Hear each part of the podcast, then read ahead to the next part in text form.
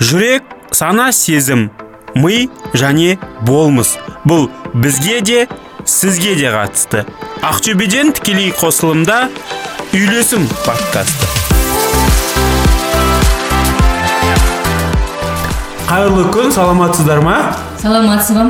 Аха, бүгін бізде ау- аудиторияда көріп тұрғаныңыздай нәзік жанды адам бар. Бүгіннен бастап менімен бірге бұл подкастты жүргізуші сәндігүл сәндігүл таныс болып қойыңыздар. Бүгін ә, сәндігүл біздің аудиторияға келгеннен кейін далада қар емес күн керемет үшінші шығарылым. Ендеше біз бастаймыз. мен ерекше екен бүгін. Ал бүгін енді бүгін біздің қонағымыз қонағымызды таныстырып өтсеңіз сәндігүл қонағымыздың есімі арайлым амангелдіқызы психолог мхм неге сенуіміз керек екен? Сізге арайлым қайырлы күн.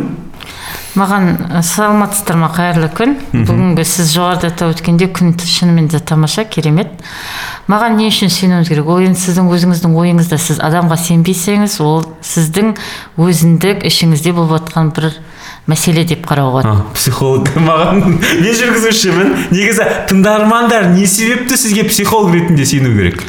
Ә, психолог ретінде сену үшін ә, біріншіден сіз менімен көзбе көз тілдесуіңіз керек. Және ә, мен сіздің сеніміңізге кіру үшін ә, ең бірінші бізде кәдімгі ә, телесный контактпен тет тет болу керек.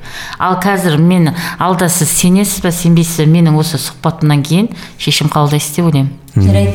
Арайлым біздің тыңдармандарымыз ол тек қана оффлайн вариантта көретін форматта көретін адамдар емес сонымен қатар онлайн бізді тыңдап бізге сенім артатын адамдар болуы мүмкін. Сондықтан да олардың сенімін сіз қалай қарата аласыз қазір енді ә, сенімге кіру үшін де бұл мәселе үлкен мәселе. Бұны бірден сіз мен қазір сізді сендіремін осындай мақсатты дипломыңыз деп бар ма? ойлаймын. жара дипломыңыз Диплом бар ма? бәрі бар. Психологсыз неше жыл жұмыс жасадыңыз? 18 жыл болды бар. 18 жыл жұмыс жасадық психолог сенеміз иә? Ода онда тұрған жоқ. Сенім деген ол жылға қарамайды. Сенім деген сіздің біріншіден қазір менің айтып жатқан әңгімемнен сіз өзіңізге ішкі сұрақтарыңызға жауап тапсаңыз және сіз ертеңгі күні психолог маманды бұған дейін сізде тәжірибе болуы мүмкін психолог мамандармен ә, басқа деген да ә, кавычкада айтамыз. Мүмкін ол кісі сізге көмектесті сіздің запросыңызды жауап берді. А мүмкін сіздің запросыңызға жауап бермей екеуіңіз түсініспеген болуыңыз мүмкін. Ол да мүмкін. Себебі қазіргі таңда психолог мамандары көп және мен барлық психолог мамандарына жауап бермеймін өзіме жауап беремін. Қазіргі таңда мен ешқандай бір клиентімнің сенімсіздік ә, осындай туғызатындай дүние болған жоқ. Аха. Жоқ енді өлшем бірлігі ғой қараңыз. Иә. а неше клиентіңіз болды осыған дейін? Бұған дейін клиенттердің ішінде менде көбіне жасөспірімдер және ата аналар болды Ә, ешқандай жауап жоқ. Бұл да өлшем бірлігі ғой иә? Өлшем жасөспірімдердің арасында қандай сұрақ көбірек жиі кездеседі? Тақырыпты айтып жіберейік. Ә, тақырыпты айтатын болсақ мінсіз ата ана мінсіз ана және мінсіз әке деген біз айтуымыз керек. Сәндігүл ма? Сәндігүл. Сәндігүл. Менің қасымда сәндігүл. Біз айтуымыз керек тақырыпты. Сіз айттыңыз ал. Бүгінгі біздің тақырып? Бүгінгі біздің тақырып мінсіз әке және мінсіз ана. О құрметті тыңдармандар комментарийларыңызға қуаныштымыз. Осы жайтты да комментарийда жаза кетсеңіздер. Өткенде көрдіңіздер ғой комментарийда қандай нәрселер айтқандығын. Біздің кейбір қателіктерімізді де көрсетіп кеткен құрметті тыңдармандар. Сол себепті біз барлығына біз сіздер үшін қызмет еткеннен кейін бір барлық сынды көтеруге дайынбыз.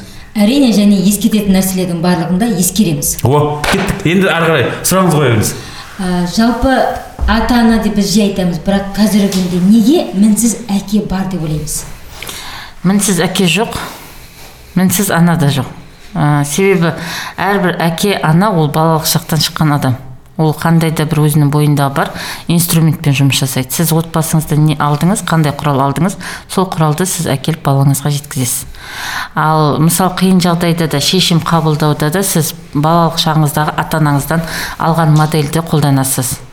Ал егер е, адамдар ә, ол модельді өзгертуге болады ол кезде осознанность дейміз саналық да біздің қазақ біздің сонда тәрбиенің өзі бір модель болып келеді модель ата ол балаға ол барлық уақытта жазылады себебі бала өзіндік мысалы ата анасында әкесі мысалы қиыншылық кезде қиындық көрген кезде бір қандай да проблеманы шешуде ол үйіне білдіртпей өзіндік өзінің бетімен мысалы ересектік танытып шешіп ә, өзінің бойында ойында дүниясында жи- әлемінде болып жатқан дүниелерді балаларына әкеліп жауапкершілікке артпаған болса балаларда ол балалық шақта ешқандай қамсыз өмір сүрсе ол баланың да әкесінен алған модельмен солай ер бала жұмыс жасайды. Ал қыз балалар анасының бойындағы модельді алады. Мысалы анасы үйде күнде тамағын жасап мысалы ә, үйдегі мейірімділік ә, жаңа балаға бөлу мейірімділігі енді табиғатында әрбір ер адамның әйел адамның өзінің болмысында болатын дүниелер бар ғой қасиеттер. Соны пайдаланатын болса және соны толыққанды қолданса ол отбасында сол модельді алады. Ал егер сізге деструктивті модельді беруі мүмкін ата ана ол мүмкін. Ол не ол иә. деструктивті деген мысалы ә, ашуланған кезде өзін ұстай алмау сізді барып ұрып қалу да баланы. Ә, жаңа қиын жағдайда өзін өзі ұстай алмау деп жаңа жоғарыда айтқандай және сонымен қатар айқайлап тастау оның бәрі деструктивті мінез құлыққа жатады. Да сондай мінез құлықты көрсеткеннен кейін балада ондай мінез құлық қалыптасады а бала не істеу керек? Бала Бұл ситуацияда? бұндай ситуацияда не істеу керек? Бала өзінің дәрежесінде өзінің деңгейінде ол болжам жасайды. Да мысалы ата ана егер бұл балаға жаңа қиындық деген ең бірінші тұрған зат оған мен шешім таба алмай жатырмын деген сөзді айтатын болса балада ол болашақта сондай әлсіз өзін өзі сенімсіз адамдай дамиды.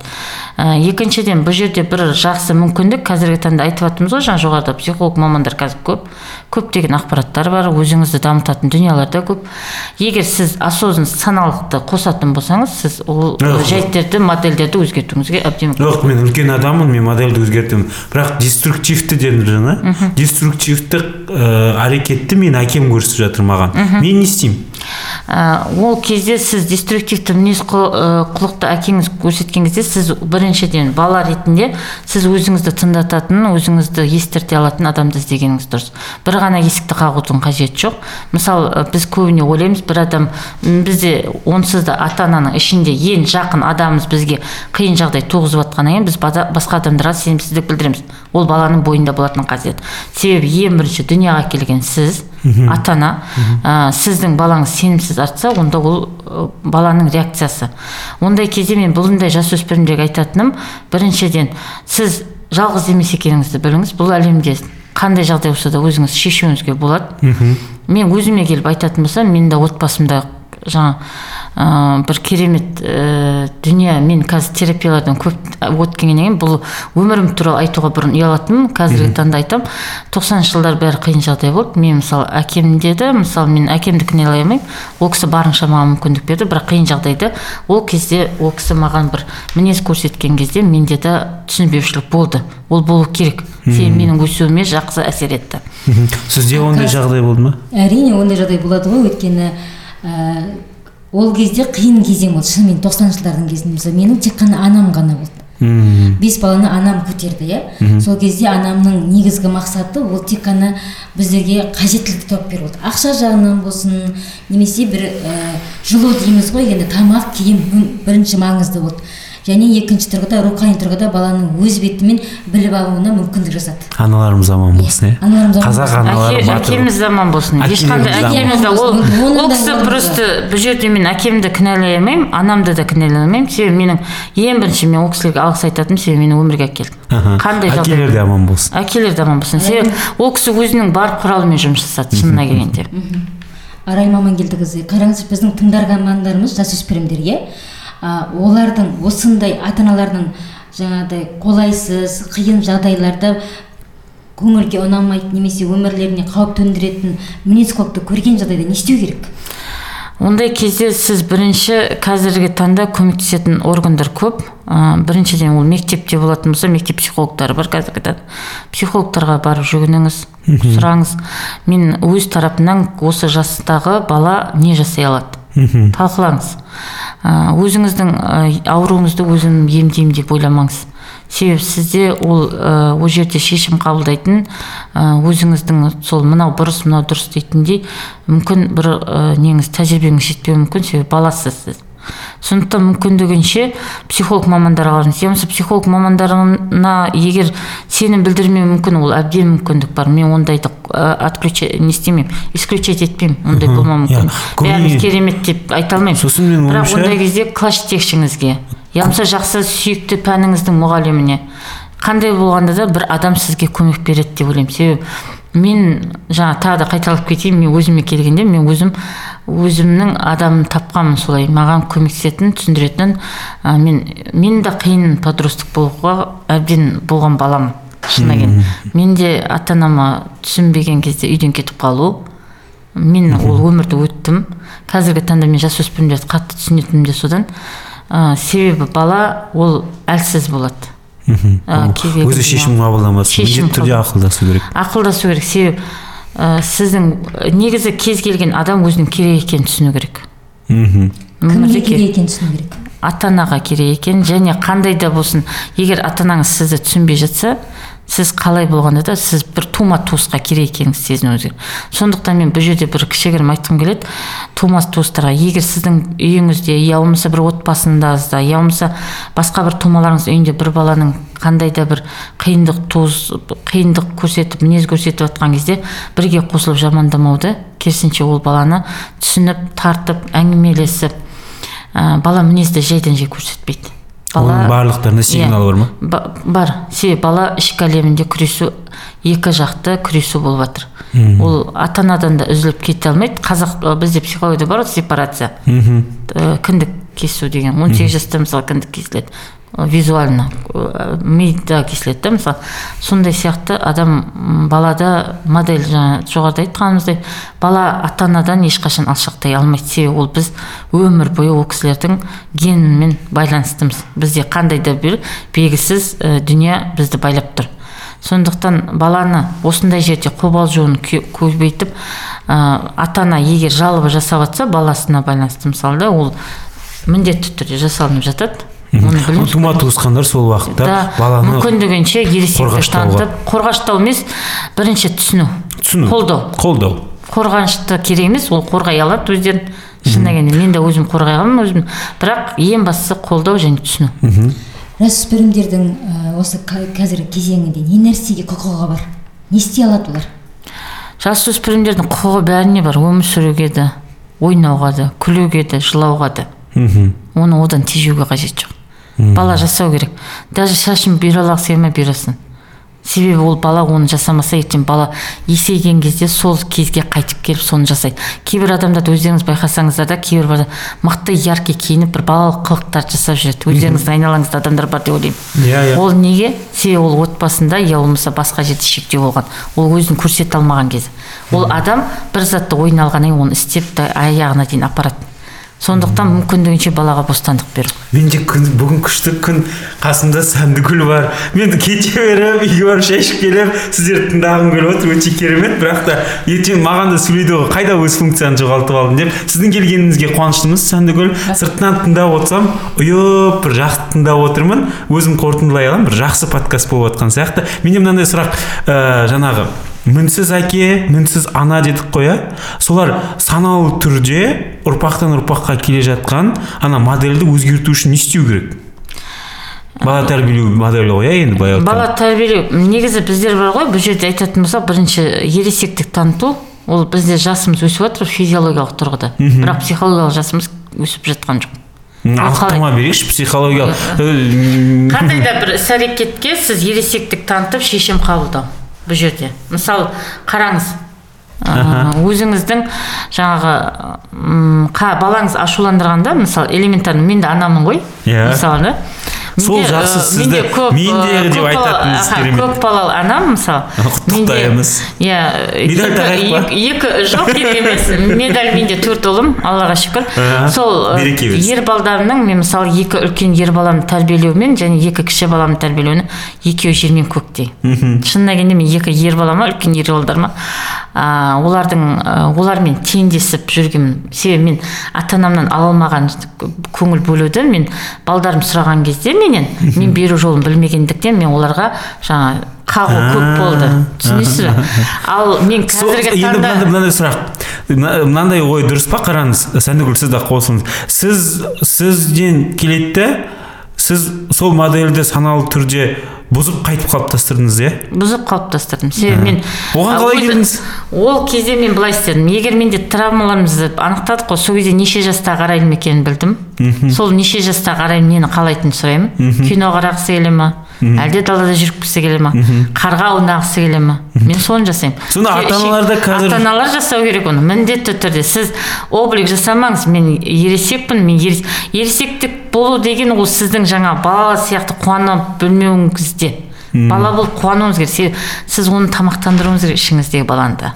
А, травма деген психологиялық жара ғой. Ә, белгілі бір жас ерекшелігі кезінде адамның баланың бойында ата ана тарапынан болсын қоғам тарапынан болсын бір эмоционалды тұрғыда психологиялық жара болады. Сол жас ерекшелік адамның ішінде қалып қояды. Жаңа арайлым амангелдіқызы айтқандай эмоционалды өспеудің бірден бір себебі иә сол. сол мына сізді жүргізушілікке алғанымыз қандай жақсы? Жаңа көрдіңіз ба мен дұрыстап отыр. Қорғаныш деп айтпа деп иә мен дұрыс сөйлемей қалуым мүмкін ғой. Сіз эксперт ретінде қарап отырыңыз иә. Мынандай сұрақ. Екі баланы өсіргенде үлкен екі баланы. Сіздің психологиялық жасыңыз нешеде болды сонда? Жасым нешеде болғанда емес ол психологиялық жасыңыз? психологиялық жасым бұл жерде мен 13 жастағы 14 жастағы арайлымның іс А. әрекетін жасаймын. Себебі балама ә, олар мысалы жаңағы мороженое жегісі келсе мороженеді не істейсіңдер жей беріп кеше ғана жесіңдер ғой деген сияқты. Мен өзімнен жаңа өзіме алып беруді білмеймін сол жерде. Арайлымды қалап тұрғанын түсінбеймін. Тек ә, жаңағы басқа бір жолдармен ол балдарыма тыйым жасап жүрдім. Все ата аналар психологиялық жастарыңызды өсіріңіздер иә? психологиялық жасты өсіру үшін біріншіден сол өзіңіздің ішкі әлеміңіздегі баламен тілдесіңіздер. Арайлым мысалы Екінші арайлым, арайлым. бала деген- иә? бала арайлым.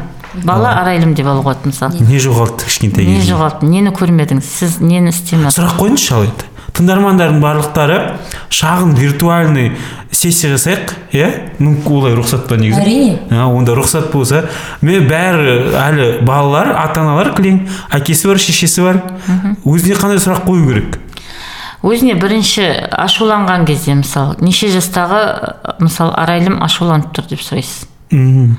Сіз сұраған кезде өзіңіздің ішкі әлеміңіз жауап береді. Ол бірден сізге дағды болып қалыптаспауы мүмкін себебі бұны сіз дағдыланып істейсіз ә, бірінші күні айтқанда сізге бірден ойбай сенің ішіңдегі сегіз жасар арайлым сөйлеп тұр? деген сияқты айтпайды иә иә, түсінікті ол тәжірибемен келеді тәжірибе келеді дағды қалыптасу керек. Сондықтан ә, бірінші кезде айтқан кезде тәжірибеңіз іске аспай жатса ой бұл өтірік зат екен деп қарауыңыз мүмкін. Ол өтірік зат емес. Бірден ескертеміз ол өтірік. себебі әкелер болсаңыздар машинаны бірден үйреніп кеткен жоқсыздар. Шешелер болсаңыздар тамақты бірден пісіруді үйретіп кеткен жоқсыңдар иә? Қол күйдіруді машина соқтыңыздар. Сол себепті бұл жерде де өз өзімен э, бұл жерде де сіз соққы алуыңыз керек. Соққы алуыңыз керек бірінші сұрақ кетті екінші сұрақ. Екінші сұрақ ә, содан кейін сіз сұрауыңыз керек. Сол адам бала не қалап тұр қазір? М. сол жаңағы сұрақты Иә. қойған бала. Ашуланғаннан кейін жаңағы ішкі бала нені қалап тұр? Мүмкін бір уақыт далада жүріп келуді. Мүмкін мороженое жеп келуді. Мүмкін шоколадпен шай ішуді. Білмеймін.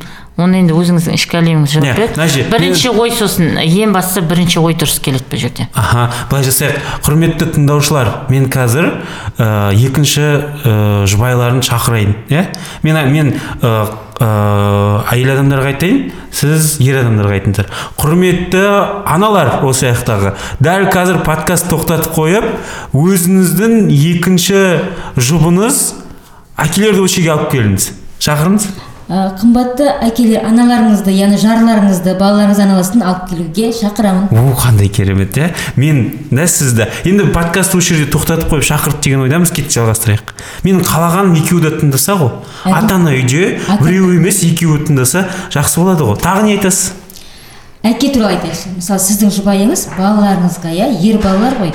Ер балаларға қазіргі күнде ә, бірінші үлкен екі балаңызбен тәрбиелеген кездегі мен салыстырған кезде қазіргі екі кіші балаңызға басқаша қарау мүмкін. Айырмашылық неде? Әкенің рөлінде. Әкенің рөлінде мен енді өзім жолдасыма қарап айтатын болсам менің жолдасым балдарға өте мейірімді. Қандай жағдай болса да ол постоянно әке екенін ұмытпайды. Менімен ә, реніш болады ол отбасында болу керек мүмкіндікке себебі бұл өсуге апарады. Мен одан қашпаймын себебі ол болу керек жағдай. Ал мен жолдасым екеуміз ренжігенде де ол кісі ешқашан балдарын ешқашан қалдырмаған адам. Мейірімділікке бөледі.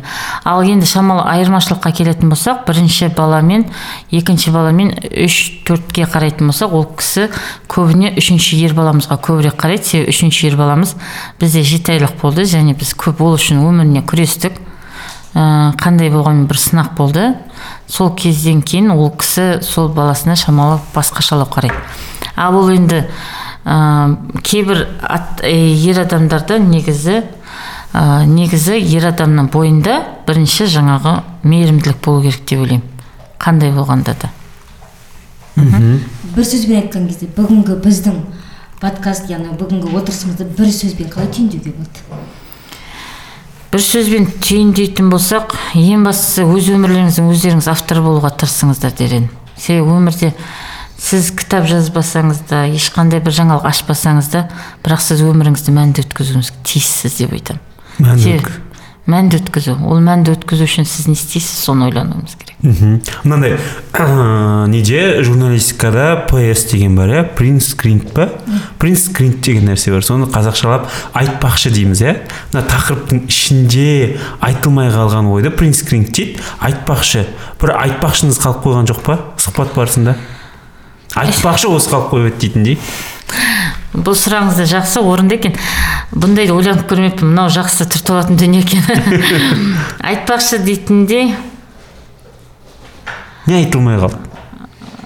Енді ең бастысы маманға жүгінерде балаларыңызды апармастан бұрын ата аналарға айтарым баланы апарамыз да біз проблема балада деп ойлаймыз. Негізі балада емес проблема бізде. Ересектерде. Мүмкіндігінше бірінші өздеріңіз барыңыздар психологқа. Мхм. Аяқтауға рұқсат па? Рұқсат. О адамдар перзенті ұлылықтың ұлылықтың көзінен тілін ұқтым өздерінен көрдім мен көп ізгілік көкірегімді тербеген теңіз қылып. Адамдардың ортасы ешқандай артық нәрсе жоқ иә? Сол себепті біз бүгін міне сәндігүл екеуміз аяқтауымыз керек. Мен өзім ә, соңғы сөзді сәндігүл айтқанын қалап тұрмын. Ең алдымен құтты болсын сіз дебютым Ә, біз сіздерді құрметті тыңдармандар адам болғандықтан жақсы көреміз. Мен до свидания деймін. Сіз не дейсіз? Кім боласың қандай өмір сүресің? Ол өзің. Үлесің деп мұқаң аяқтаймын депті